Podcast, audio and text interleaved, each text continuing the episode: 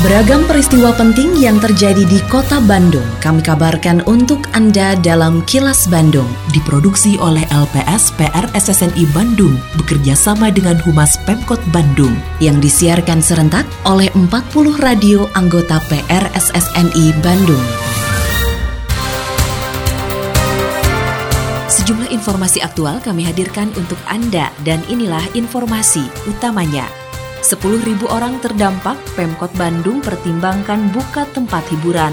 Pembangunan rumah deret Taman Sari kembali dilanjutkan. Pemkot Bandung inventarisasi keberadaan situs sumur Bandung. Saya Santika Sari Sumantri, inilah kilas Bandung selengkapnya.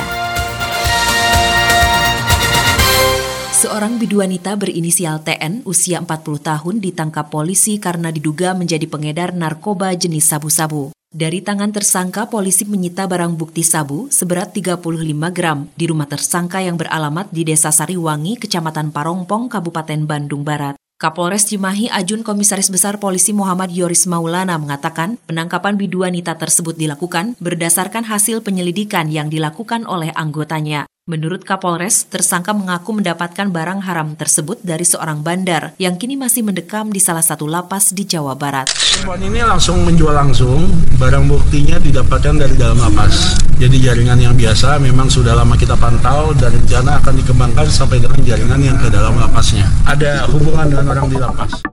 Sekretaris Daerah Kota Bandung, Emma Sumarna mengungkapkan ada sekitar 10.000 orang ikut terdampak akibat tutupnya tempat hiburan di Kota Bandung. Padahal kota Bandung bisa meraih pendapatan asli daerah hingga mencapai 90 miliar rupiah per tahun dari sektor pajak hiburan dalam kondisi normal. Hal tersebut diungkapkan Emma Sumarna usai meninjau penerapan protokol kesehatan di tempat hiburan di kawasan Jalan Pasir Kaliki pada Selasa kemarin. Emma menyatakan akan terus meninjau tempat hiburan hingga pekan ini. Hasil peninjauan akan dilaporkan kepada Wali Kota Bandung. Menurut Emma, secara umum standar protokol kesehatan di beberapa tempat hiburan sudah disiapkan dengan baik. Namun kebijakan dibukanya kembali tempat hiburan merupakan wewenang wali kota. Tapi kalau dimensi ekonomi, saya juga sependapat. Tadi dikatakan ada 10 ribu sekian. Memang ini pun kan harus menjadi perhatian, ya, bahwa mereka harus berkemampuan, berpenghasilan. Ya, pengusaha juga sudah roda ekonominya kan harus berjalan lagi. Tetapi nanti di saat kita bersimulasi, kita membahas, tentunya ada pilihan-pilihan. Apakah betul bahwa ini menjadi super prioritas atau prioritas atau menjadi pilihan lain tentunya Pak Wali Kota nanti yang punya otoritas kewenangan mengeluarkan kebijakan.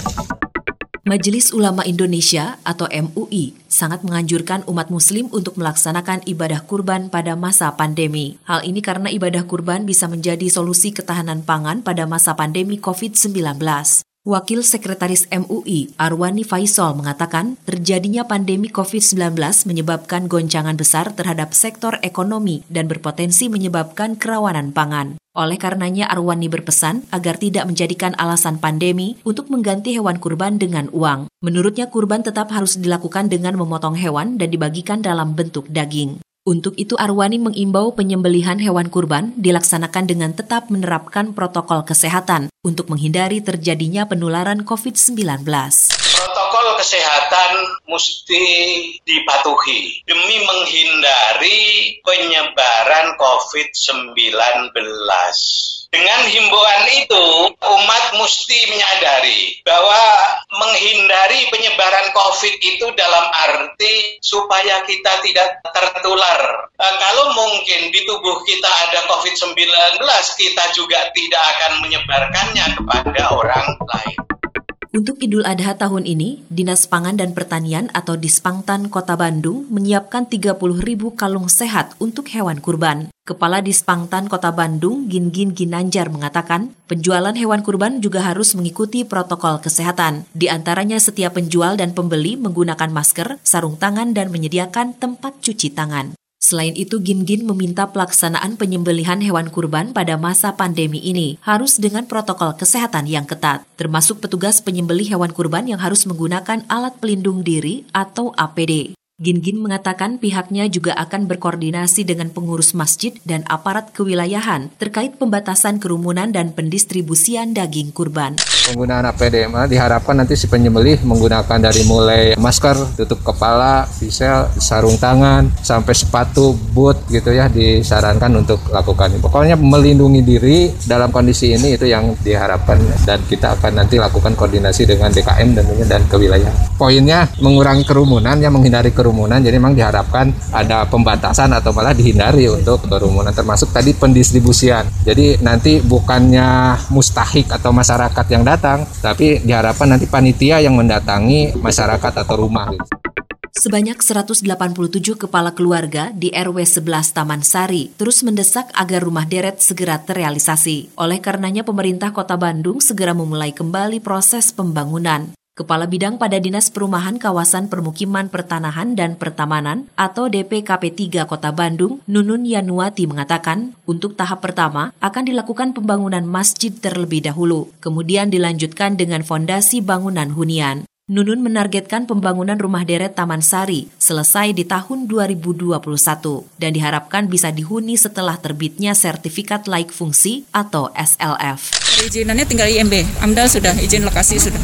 Izin maksudnya izin lingkungan ya, izin lingkungan keluarnya. Proses IMB sendiri sekarang proses di tim ahli bangunan gedung ya. Sebenarnya proses arsitekturnya sudah beres, proses uh, eh, ME juga sudah beres, tinggal struktur. Struktur itu tinggal menunggu uh, hasil tes ondir di lapangan. Pada saat ini mungkin karena kondisi anggarannya yang masih sampai 10 miliar ya, paling kita bisa uh, pembangunan masjid dulu, masjid dan fondasi. Kan kemungkinan sampai tahun 2021 pemerintah Kota Bandung mulai menginventarisasi peninggalan sejarah yang berkaitan dengan berdirinya Kota Bandung. Salah satunya adalah keberadaan tujuh sumur Bandung. Hal ini disampaikan Wakil Wali Kota Bandung Yana Mulyana saat meninjau situs sumur Bandung di eks Palaguna Alun-Alun Bandung pada Selasa kemarin. Yana mengatakan dari tujuh sumur Bandung tersebut ada yang terawat dengan baik, namun juga ada yang tidak terawat, seperti yang berlokasi di tanah kosong bekas gedung Palaguna Bandung.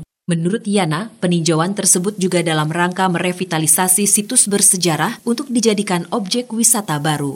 Oh iya, kan kita baca bahwa bagaimanapun juga peradaban satu wilayah, apalagi kota, itu pasti sumbernya air lah gitu ya. Nah memang hari ini kita ingin melihat kondisi salah satu sumur Bandung dari tujuh sumur Bandung. Kan ceritanya ada. Nah, supaya kita juga ingin ngajak kepada pemilik PD Jaswita kemudian Bisbudpar Kota Bandung juga sumur ini bisa jadi salah satu tujuan wisata. Karena memang punya nilai sejarah yang cukup tinggi ya untuk Kota Bandung. Kini audio podcast siaran Kilas Bandung dan berbagai informasi menarik lainnya bisa Anda akses di laman kilasbandungnews.com.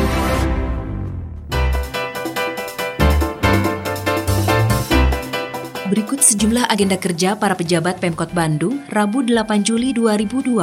Wali Kota Oded M. Daniel memberikan arahan via Zoom kepada peserta pelatihan online pemotongan halal hewan kurban. Berikutnya melakukan monitoring kegiatan UMKM Cafe Panas Dalam di Jalan Ambon. Sementara itu, Wakil Wali Kota Yana Mulyana melihat penerapan protokol kesehatan di Forest Walk Bebakan Siliwangi dan SOR Sasana Budaya Ganesa ITB, juga kolam renang Cipaku. Selanjutnya meresmikan lembur Tohaga Lodaya di Kelurahan Isola, Kecamatan Sukasari. Sedangkan Sekretaris Daerah Emma Sumarna melakukan monitoring penerapan protokol kesehatan tempat hiburan di Jalan Lengkong Kecil dan Jalan Pungkur. Selain agenda kerja para pejabat Pemkot Bandung, informasi dari Humas Kota Bandung, yaitu Wakil Wali Kota Bandung Yana Mulyana, mengapresiasi hadirnya lembur Tohaga Lodaya di Kelurahan Babakan Ciamis, Kecamatan Sumur Bandung. Dengan adanya lembur Tohaga Lodaya, ia sangat optimis dapat menekan pandemi COVID-19.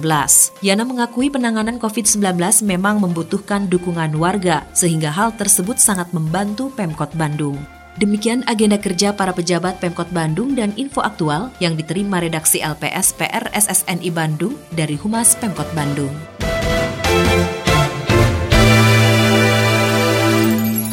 Terima kasih Anda telah menyimak Kilas Bandung bekerja sama dengan Humas Pemerintah Kota Bandung yang diproduksi oleh LPS PR SSNI Bandung.